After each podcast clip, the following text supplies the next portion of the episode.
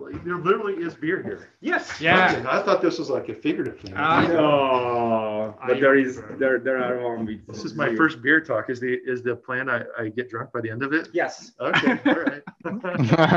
uh, not for us. It's 10 a.m. here. Oh, yeah, yeah, yeah. It's Well, always so fucked up. Uh, It's Joe. Rice, Joe Rice was the only one who jumped in on, and maybe uh, who else?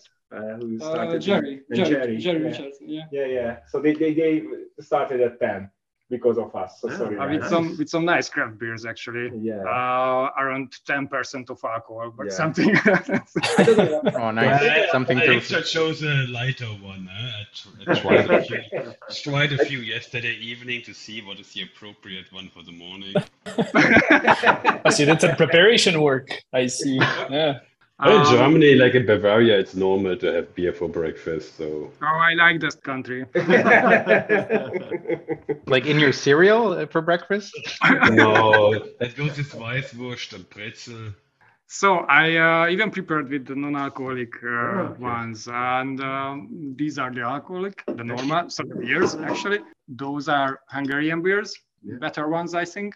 I'm not sure if these are Hungarian, no. But maybe it's made by Borsodi also. Yeah, of course. Yeah, it's, made by Borsodi, but yeah. not the recipes aren't Czech, Yeah. something like that. Mm. So pick what you like. Yeah, all right. Well, I have to go Hungarian. Okay, that's the normal lager. Okay. We have some. We have a IPA, and this is a stout. You guys, you can also choose anything from here, but it's going to take time to arrive. Yeah, I have I have my own IPA, but So don't step. Oh. step. Sorry. Oh. Uh, yeah, please IPA. wait for the opening. All right, sorry. Guys, It's you really, IPA. really cool. And SAP is from Germany, so I think that's it's okay. Yeah. An important thing to share. Uh, so the beer talk is not a, a, a podcast with uh, upfront written uh, script, but uh, we we have a strict agenda for the start. So um, currently we are in the phase of. Don't even think about it. so we are in the phase when we are trying to break the ice, obviously, and um, when when we finish with that, after that, my on my mark can Okay, can, okay. can everybody open? Yeah. Uh, so please break the ice Great. really, really fast. Uh, basically, I think we yesterday we already started uh, break the ice uh, with Byron, uh, who is here in Hungary. So, guys, uh, is the break already or, or the ice already broken? So that's my question. okay. okay, then All right. cheers.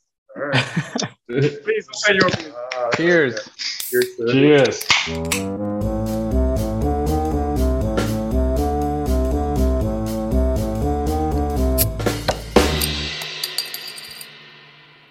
Be really good in my Cheers. Lucky Charms. Oh, Jörg even has the glass. Nice.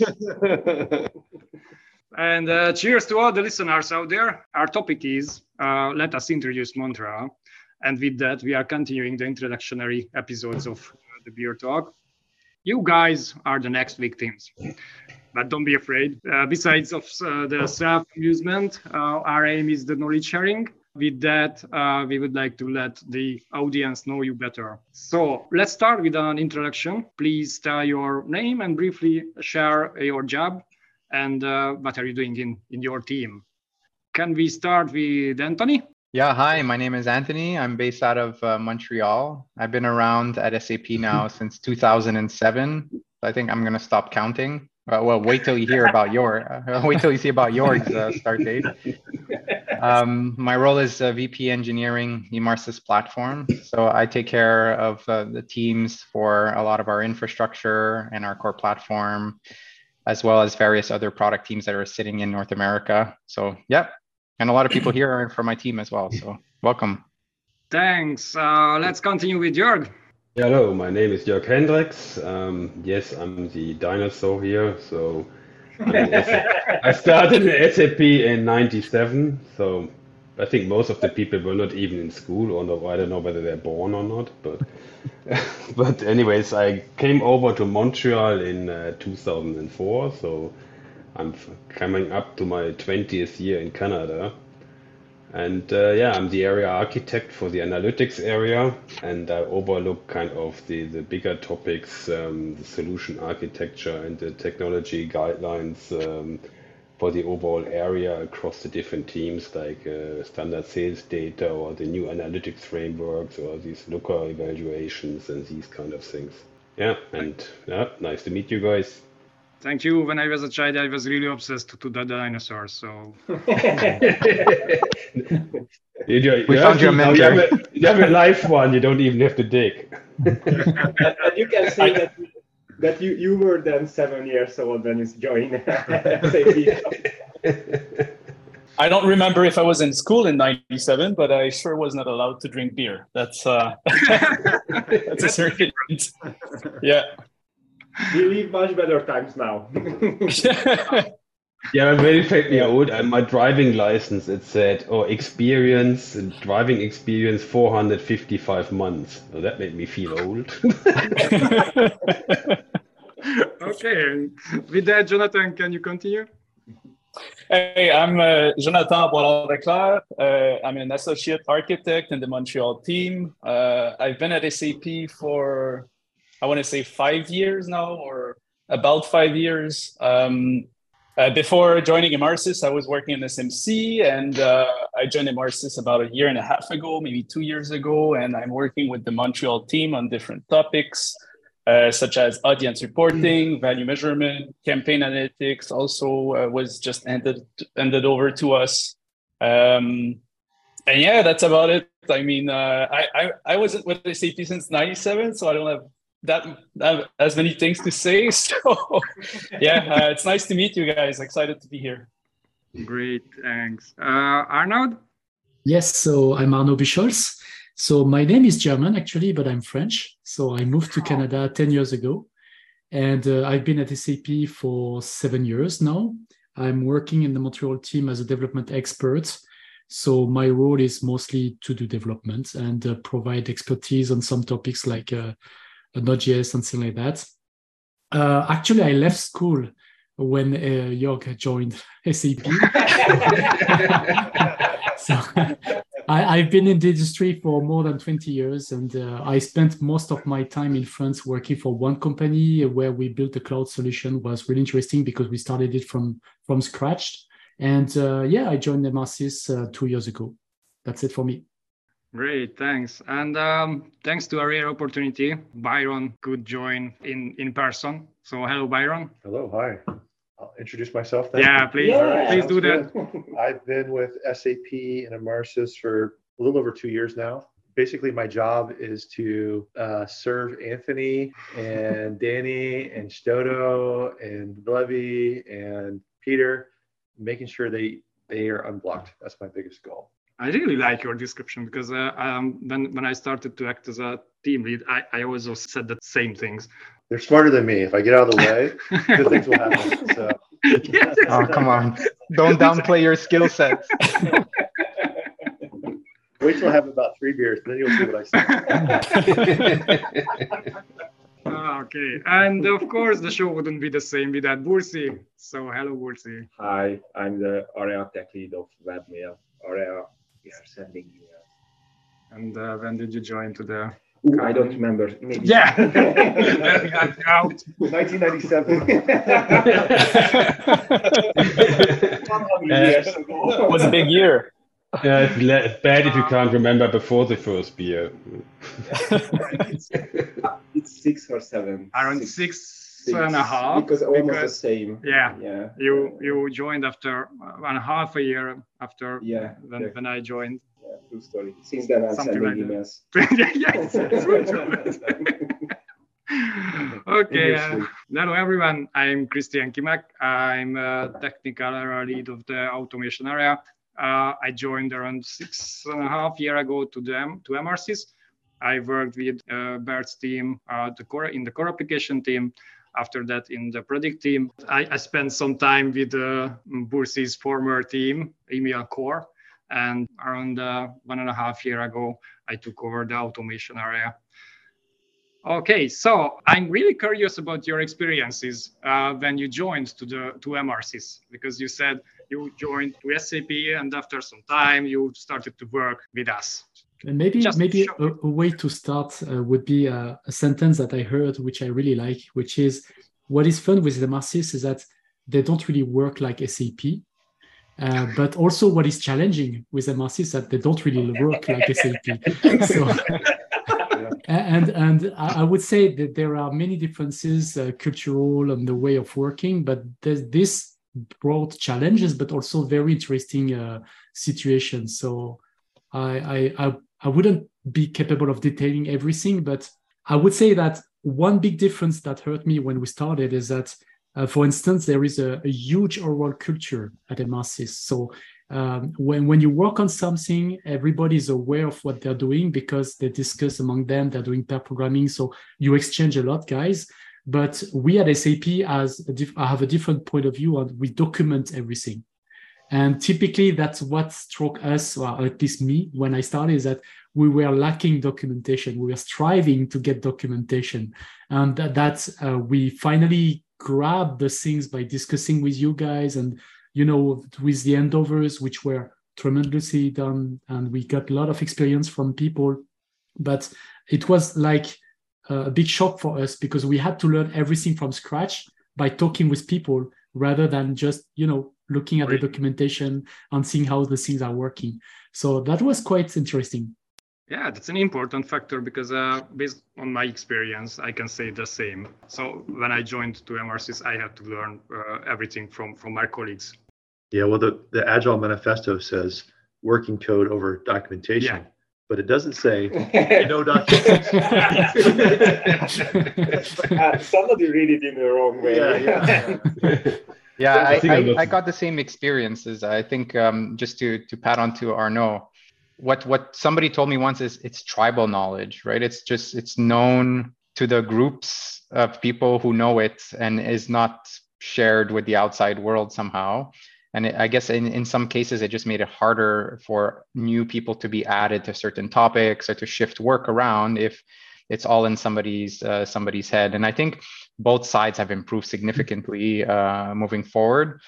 And it's just a different culture i think right? So on one side there's a lot of heavy processes and enterprise and, then the other side it's a little bit more startup-y and quick delivery. And um, yeah so that i think that was an initial thing that didn't for sure come up. The other thing that did come up is uh, time zone management. I think that's been an mm. interesting hurdle, right? To try to find the right ways to work across time zones uh, a lot of us were not used to working across the time zones and seeing how that could work. How do you do XP across time zones? Is are you open to even trying it, or, or are you not open to trying it? And is, is it possible to do a half day of XP, maybe, right? So I, I think that was another thing that is maybe still not perfectly aligned because it's hard to do work across two time zones if you're really tightly integrated, right? If you have your own topic, then it's usually easier. You go your way, you do something, and you connect uh, offline or, or have weekly syncs.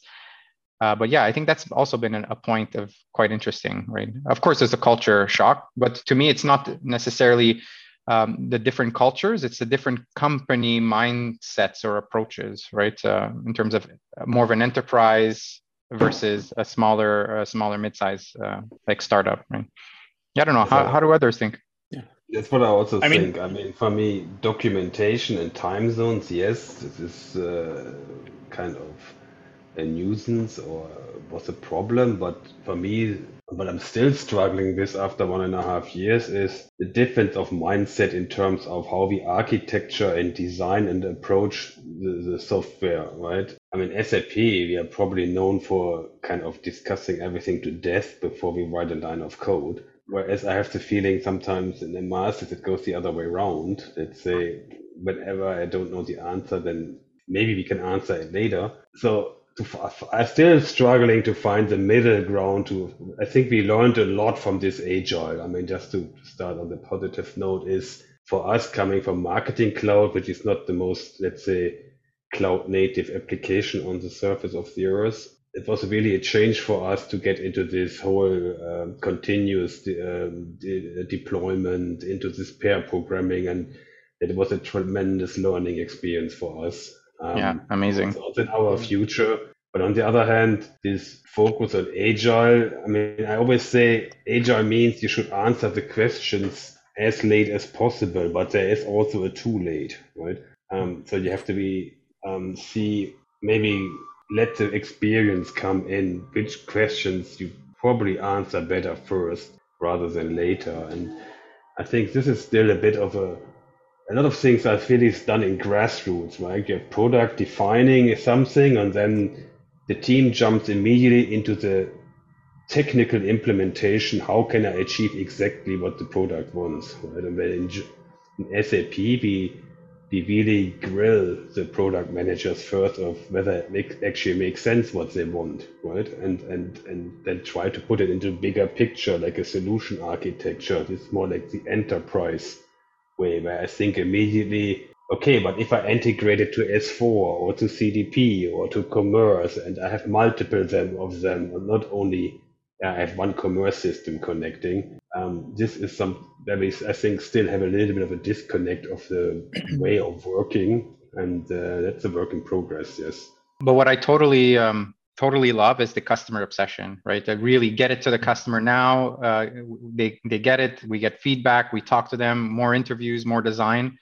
So that uh, customer obsession is amazing, right? And I think there's a nice balance that we need to, uh, we could find within some of the processes we currently do versus some of the processes um, we do also across the ocean and try to find a healthy balance of getting that and still being very fast and, and getting value to the customers quicker. So I really I'm really excited about that aspect for sure guys, I can yeah. say you really did your homework. I, I mean, you really know as well.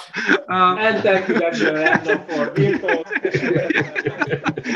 we did one, one thing I can add also is is is is the language barrier was also something else. I mean, before I, I am not sure if it was the same thing for Indianapolis, but um, you know the, the, documentation also lives a lot in, in Slack. You know, people share knowledge there and sometimes you tend to do research in Slack to try to find an answer to something that you're asking yourself, and you'll find some Hungarian chats or Hungarian, you know, chats, and you don't know how to to to read Hungarian, so you have to ask another colleague to kind of translate that for you. And yeah, it led to some frustration, but also nice discoveries. Yeah.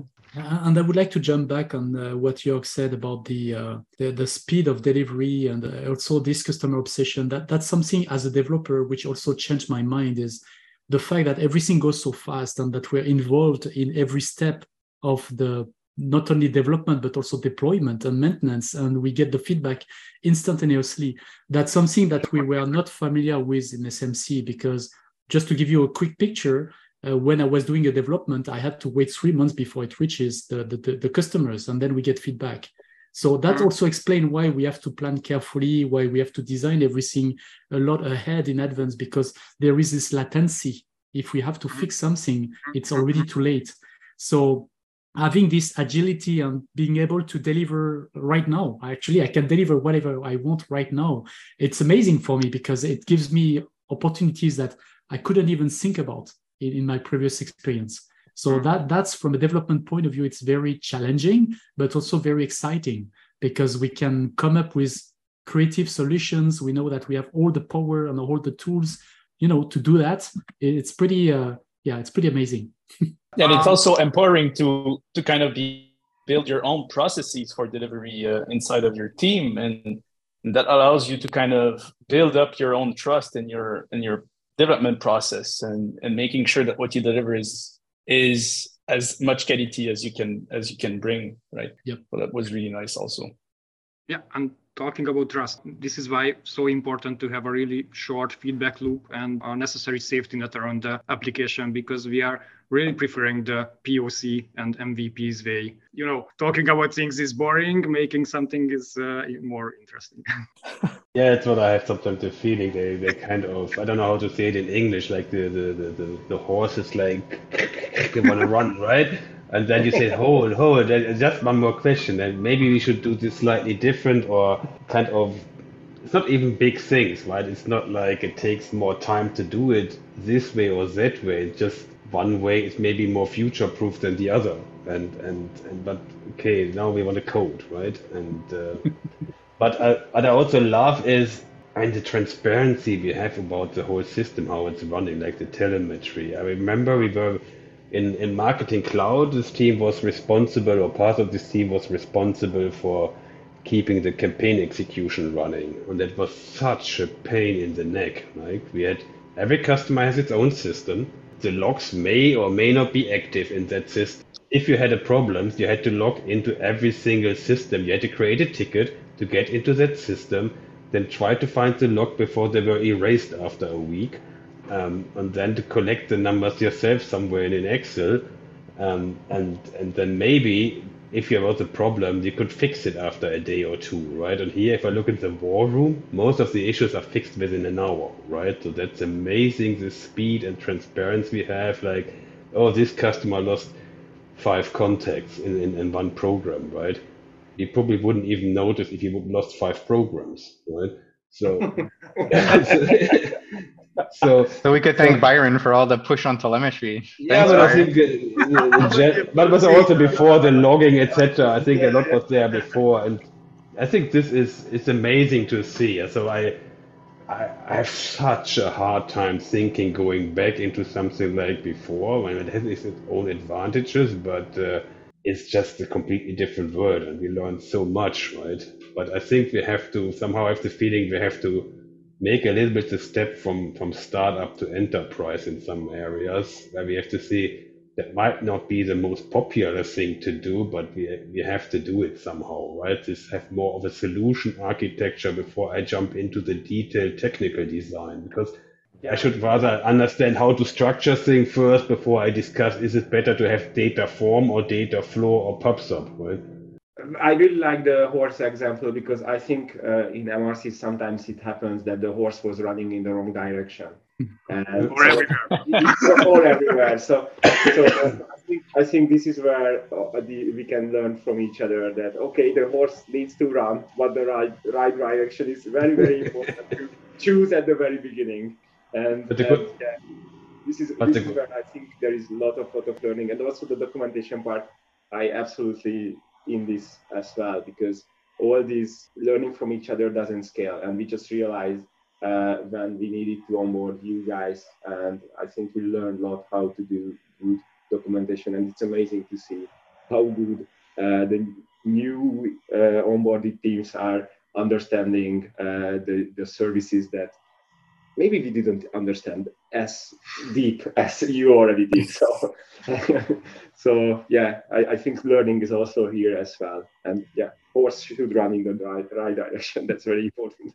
I think Jörg yeah, made an interesting point on the on the enterprise side though. So like, if I look around, I see people who like they love the software, they have great ownership, they love customers, they want to build new things for customers all the time, and we've taken a step back to say, hey, we want to be we want to serve more and more into the enterprise space which means we have to invest in the platform. We have to do this data transformation. We have to do these other things. And there's some folks who've embraced it. They love uh, the data transformation. They're building new technologies. They're building in huge scale. All of this uh, redundancy and availability and all these other performance problems they're tackling. And then you have some folks who are like i just want to build features yeah. again right? Um, and so you know you kind of have to get through this this this hurdle before we can start building features at that pace again. But at the same time, you'll always have this raised bar in terms of that that platform that you have an investment you have to make in that platform. Um, so for me, that would be the interesting one. It's like how do we find the right balance? Again, we're pushing really hard on the transformation right now because well, we're out of balance. But once we find that new balance, mm-hmm.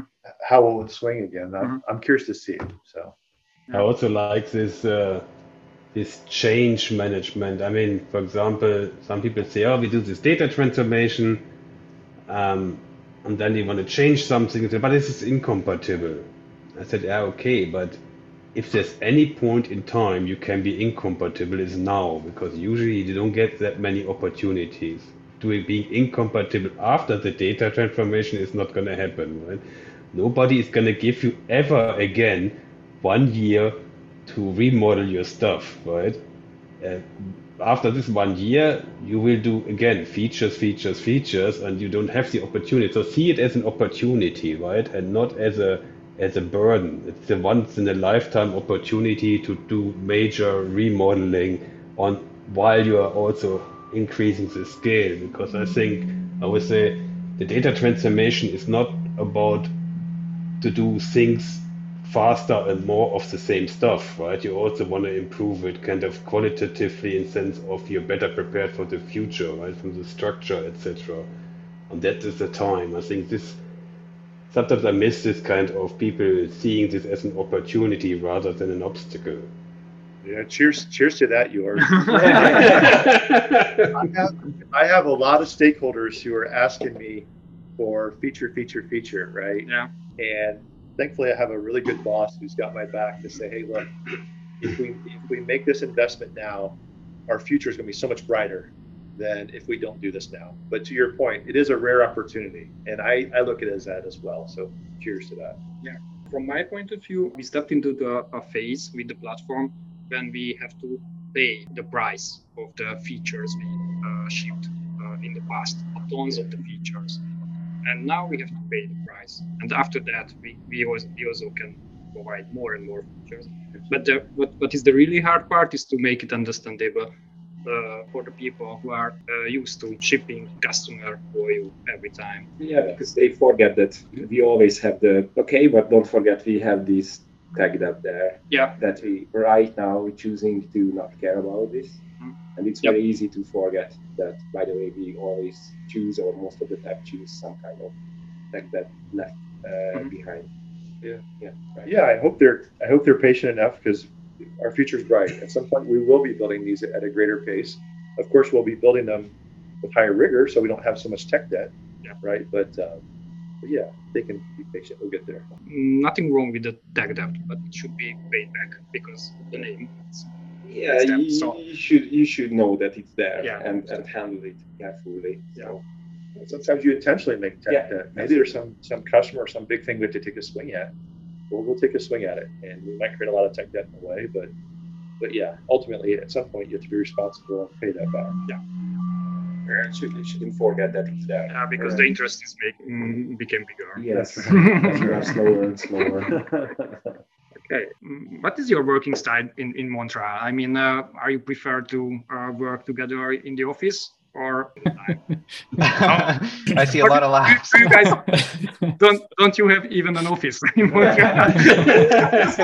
Once I saw Anthony, very very nice office. We probably have the nicest office amongst all of us. Thank you. He showed me out of the window and everything, guided me a little bit. It was really really nice uh, and empty. I, I, I think I'm, I'm the worst example. I think since the since the pandemic, I've been, I, I, doubt I have been 10 times in the office. But I also know you're not that close with the teams. I do a lot of things kind of, kind of forward looking, etc. And then have more, let's say half an hour sync or an hour sync with the team per day. The rest of the time I work more on my own. So there is not that much interaction in this sense I lose. Of course, they have not the coffee talk, etc. So this is why going to the office once in a while is good. But work wise, it doesn't change that much. But you have to also see most of the people in the team I know since whatever five to ten years, right? So it's not like I come into a new team and I, I mean, and I have then this big aha uh, moment on at the coffee machine, right? Um, I know these guys, right? So. Um, you know it makes it, makes it easier. It makes it easier, right? You know each other, right? And I don't That's think you have the best examples in the room because I would let John explain his situation, but uh, actually, yeah, I might be. I, I might be. Yeah, the the worst example in the room, Jörg, actually, because it's I true. live quite a bit away from from the office, so I'm uh, about two hours away from the office. But I I do think I still went more than 10 times uh, since the office reopenings.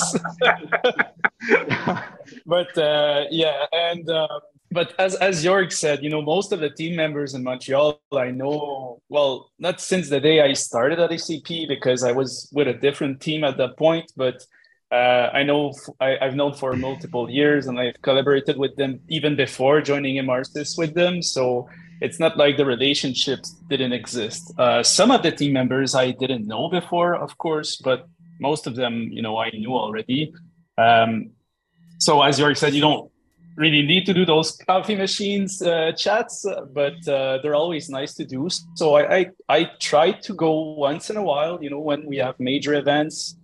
uh, I'll try to to to go to Montreal and join the team and have some in person, um, you know, time with them.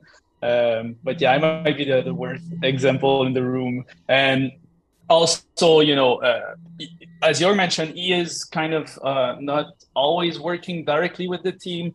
Uh, my experience myself was that I'm also kind of not always working with my team. I'm, I'm sometimes sent uh, to different teams to kind of work on our urgent topics or you know challenging topics or where they need help. So I'm kind of moved around sometimes. So yeah, more, working remote works well for that, I, I, I think. And you know, with different time zones, sometimes you got to wake up and work. Uh, you know 7 a.m to to join a meeting with hungary so it's uh it's a bit more comfortable when you don't have to reach the office before joining a meeting at 7 You can So, join from yeah. bed.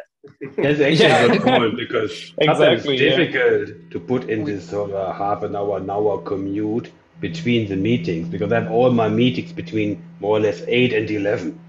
It's hard Mm-hmm. to put a, co- a commute. So either I have to leave at 6.30 at home to be sure to be before me, or, or I can't do it before noon. Right?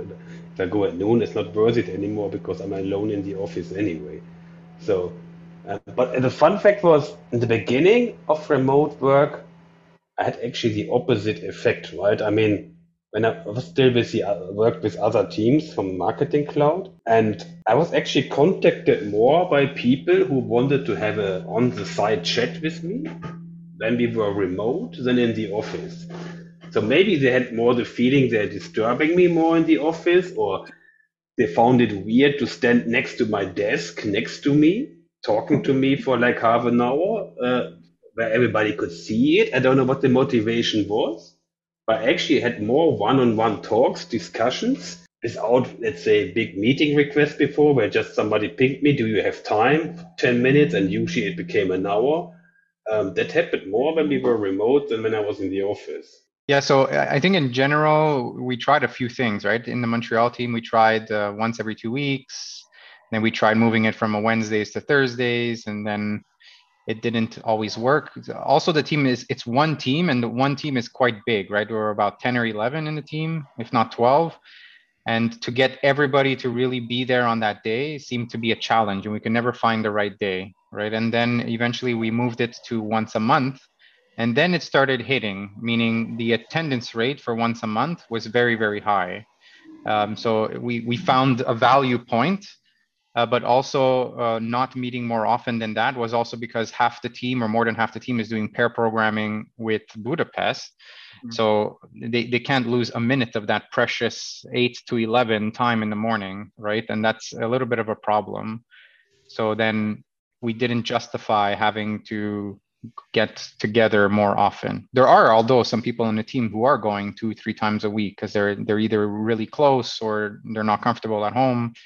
Um, so yeah, I think it's gonna evolve. I think we're gonna we're doing less pair programming now and moving forward in this um, a net- a less cross ocean pair programming, as far as I understood. Hence, the team should be working more closely together on certain topics. So maybe that justifies more presence uh, a little bit or an evolution of the presence. But yeah, it's been a little bit like that. And myself, I've been. It depends. Like sometimes I'll go. Uh, mostly I'll go once a week uh, to work with Jen. Now that Jen from Platform Cloud is also Montreal, it's it's fantastic to to have another lead that I could uh, spar with. Uh, so I try to go every Thursday, but then there's weeks where I'm there two times a week, and then there's weeks where I don't go for two weeks because of whatever other issues in the family or whatever. So it, it's a mix. I, I suppose it's like that as well in Budapest, right? There was no real mandate. So it's more like No. some teams have team days, and some teams you've never seen them for eight eight months or something. I, I guess, right? Absolutely, and, and I think it also depends on what just you're bringing that how long you are together with the team. So if you are uh, newly onboarded, you really need that personal presence. Yeah, it Uh, helps. It helps It's, a it really helps a lot. Yeah. Uh, and I think we already lost some people at Emarsys because of that. That was wasn't there. So I Or mean, change the team. there. yeah. But if you are working since that many times together with other, uh, you already see their legs, Mm. which can be important. how tall they are, uh, how they are sit, uh, so on, so on. then it's maybe not that necessary. Mm. And I also really like that uh, opportunity that you can jump from meeting to meeting and have 10 minutes or I don't know uh, with people if they yeah. need help. And it's, it, it was amazing at the very beginning, and it's still very amazing how easy not to walk from one meeting room to another, another mm. one in a, in a, building. Yeah, but for example, in my area, uh, I'm in the auto in the automation area. Uh, we have a team who are preferring to be in in the same place at the same time. At least uh, half of the team are preferring around five days in in the office in a week. Oh wow! Uh, because because they they are love it and uh, they love to be in the same place and sitting in the same desk. Yeah. In the same okay. But, uh, in the same chair. All of them. That's in front. That's that's Cloud programming yeah. that's what they call a co-working space I, yeah. I've been in the in front of the same table. That's okay. Okay and uh, do you have some gatherings team buildings or or something like that? Um, uh, we have one plan for September. We are still looking for the activity to do all together. And um, sometimes also we are, during the ritual, we try also to uh, to you know share some thoughts or some little games just as a icebreaker, but that allows us to communicate all together also. So yes, mm-hmm. we do that quite frequently. Yeah, and, and the advantage of being in a location with other departments is that at least the location tries to do events to bring people in, mm. right? And then that might create more social within a current team. For example, there's something they started this year called Party in My Yardie, which is they, they go to the different departments. Wow. Because, you know, like in an office, obviously each department sits together so they go into each department and they ask them to throw a party, a yard party. And then there's a budget given centrally from uh, the central labs. And then, like one time, it was mac and cheese with all different hot sauces plus beer. And then the other time, it was a wine and cheese in another department. And then they try to do fireside chats with leaders. They do, try to do coffee corners with executives because, as a bigger location, we tend to have more executives. And then there's even things like special events for for new hire, uh, hires that were hired during the pandemic. They try to group those people together and have them discuss. Uh, boomerang hires, which are people who left the company but eventually came back, were rehired a few years later or something, and try to have those people talk about why they came back uh, and, and things like that. So they, they try so many different things to bring people to the office. And you know, if we look at our average attendance in the office, every time there's one of those events, there's a huge spike. But what's important is after the spike, there's a bit of stickiness. There's that those extra two, three colleagues that are now coming more often. And slowly it trends up, except maybe now in the summer where people are on vacation and in the winter where it's too cold. but, uh, in, but in, the three weeks in between, year, it's okay. Yeah, for three weeks of the year, two seasons up, right? Canada. Yeah. yeah. So um, don't come see us in, in the summer, and don't come see us in the winter. So I don't know. I don't, I don't, I don't know. But on the other hand, uh, I think Hydro Quebec here, our power company, does also everything to bring us back because if you have two two days no power and no heating, people were going to the office to just warm up. Literally, we had like in February, I had for two and a half days no heating, and it was, I mean, it was not the coldest days, but it was still minus something. So if you have like 10 degrees in your house, then the office becomes pretty pretty uh, amazing. Actually, I talked about that to somebody in Budapest this week. And they were like, "Oh, it's so hot in Budapest and Hungary. It's crazy. It's crazy." I said, "Yeah, do you have air conditioning? No. So why aren't you going to the office then? Just go to the yeah. office." Yeah, we had an air condition failure. Even we have an air condition failure in the office. oh, that's just great. That's not going to help, right? Yeah, I, the same situation with me. I decided to came in because of air con- and conditioning, and I was sitting in a meeting room, and I didn't realize uh, until half an hour, and then somebody pointed me to a chat where it was, yeah, it's not working on that building, and fuck. I, I commute and I just choose that oh, that building where there is no air conditioning. So because I need at home. So yeah, so somebody just thought you are sweating because of the hot topic, but yeah. so if, during the meeting, I left that meeting room and I went somewhere where there were so.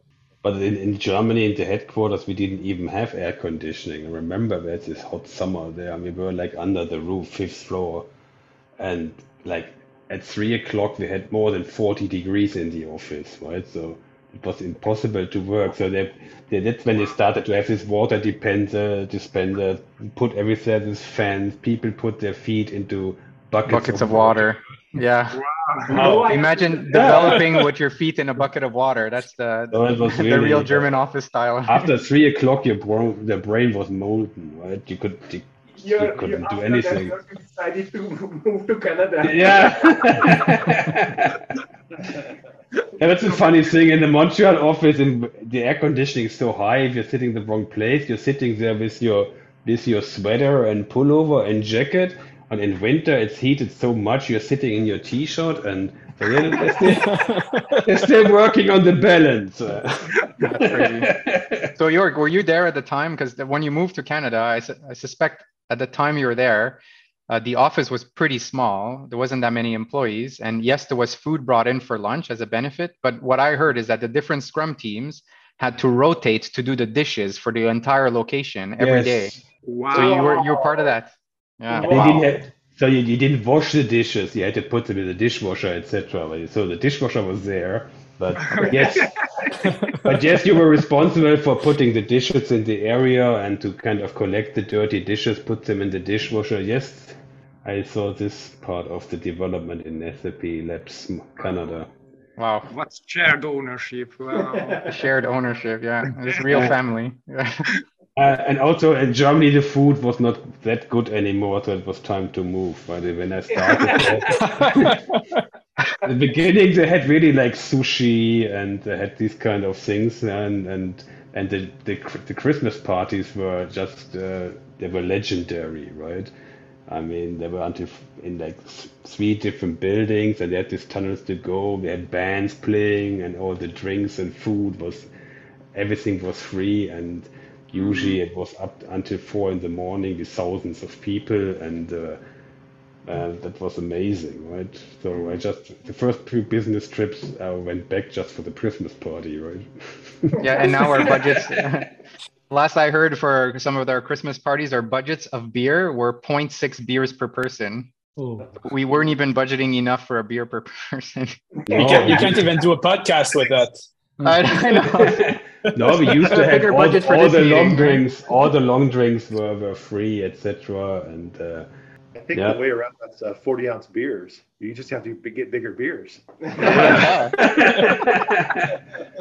actually Yes, I didn't I think of Uh, thinking outside the box. Yeah. I started at the perfect time because I started the 1st of July uh, 97 and I think five, ten days later was the 25th anniversary party of SAP.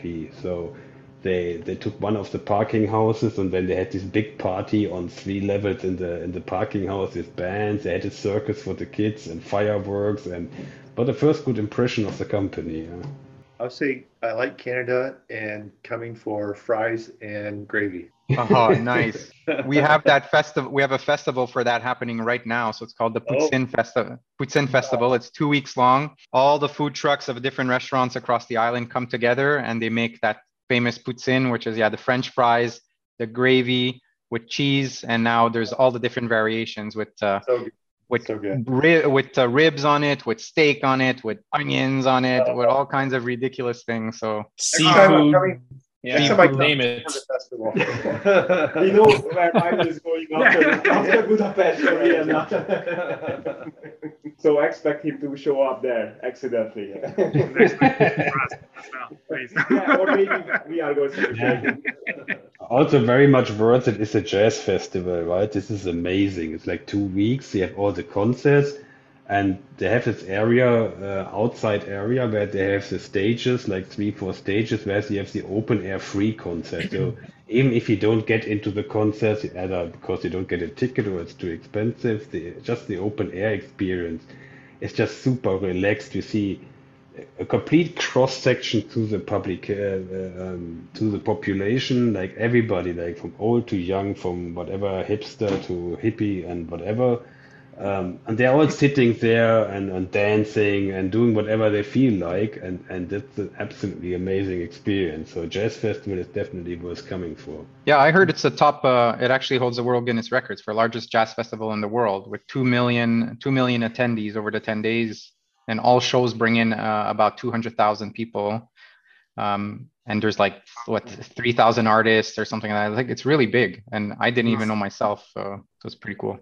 But you guys also have great festivals there, right? There's like electronic festival, a huge electronic yeah, festival. um, yeah, we have, we have some. Yeah, and it's really funny because it's next Yeah. to SAP office, the biggest one. So there is an island. Uh, Um, I think it's going to start in August. The second biggest one is at Bootsy's house.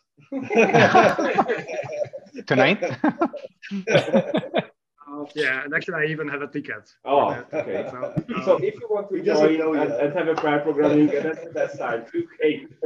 Because free, free concerts in, Yeah. in the office during the day. I hope so, and I can sell my tickets. Are you, al- are you also this barbecue aficionado, like or like like here? Um, who is it in, in, in Boise? Um, Jeff. Jeff, He's yeah. He's very much into smoking meat and barbecue, etc. Are you guys into this as well? Okay, I became hungry. So. we have a contract plan and we should write some kind of business case why we go there. It's going to be very state convention, jazz festival, food truck, and Jeff's barbecue. Yeah. So we need a, an Then we have to approval bring for Jeff the to the entire Jazz barbecue. Festival. Yeah, yeah. We bring Jeff over here. Jeff and his barbecue. So it's going to be a little bit expensive. Unfiltered, they ask us, are we are we healthier than our peers? So we have to.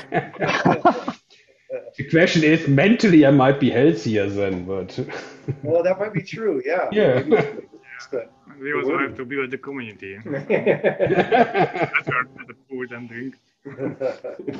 Okay. Do you guys have any questions for us? do you plan to come to Montreal, you guys? That would be great. After- think. after, After the this, show, after this information, I think But you have to be you have to be quick because winter is not appreciated by everybody. Let's check the list. We have food, air conditioning, and jazz. Amazing. Amazing. I mean, winter actually winter is actually nice in the sense of I mean that's why my wife uh, she said oh it's so cold here I hate it when she's from Morocco. And then we went to for, for three weeks over Christmas to Germany to visit my parents like a few years ago. And then it was raining for three weeks. And then she said okay now I understand why you prefer the Canadian winter right? Because because I always say like I can better entertain my son in snow than in in the rain, and and so and it's much brighter, right? It's cold. Yeah. It's like minus Yeah. twenty, but you have blue sky and sun, right? It's better than I don't know minus five or zero with gray, right? So it's really nice. You can skiing all the time. You can go skating all the time, right? So you have you have snow three months. Like, it's just too long, let's say. Typically in March, patience grunts in. Actually, we should do a April. skating. We should do a skating event at Jörg's house because he he made this massive skating ring. It must have been like 40 feet by 20 feet or something, no? Yeah, it was 46 by 26, an ice rink for my son Wow. to play, the, play a little bit of 46 hockey. by 26. This could have a, a half our development unit skating over here. Yeah, okay, really. even more convenient to create a snow injury in, in snow than in mud. Yeah. Okay, with that, thank you everybody for uh, joining and share your funny stories. And um, besides the coffee coffee machines talks, uh, you are always uh, welcomed in the beer talk for for a chat like this one. And Yeah, can thank you for the Thank you. Thank you, Krisztián. Thank you. Yeah, thank you for the invite. It was a great pleasure. It was really fun. Yep. Yeah, thanks. And next time, please, you can you can do some kind of online sharing from the jazz festival. Yeah. So Yeah.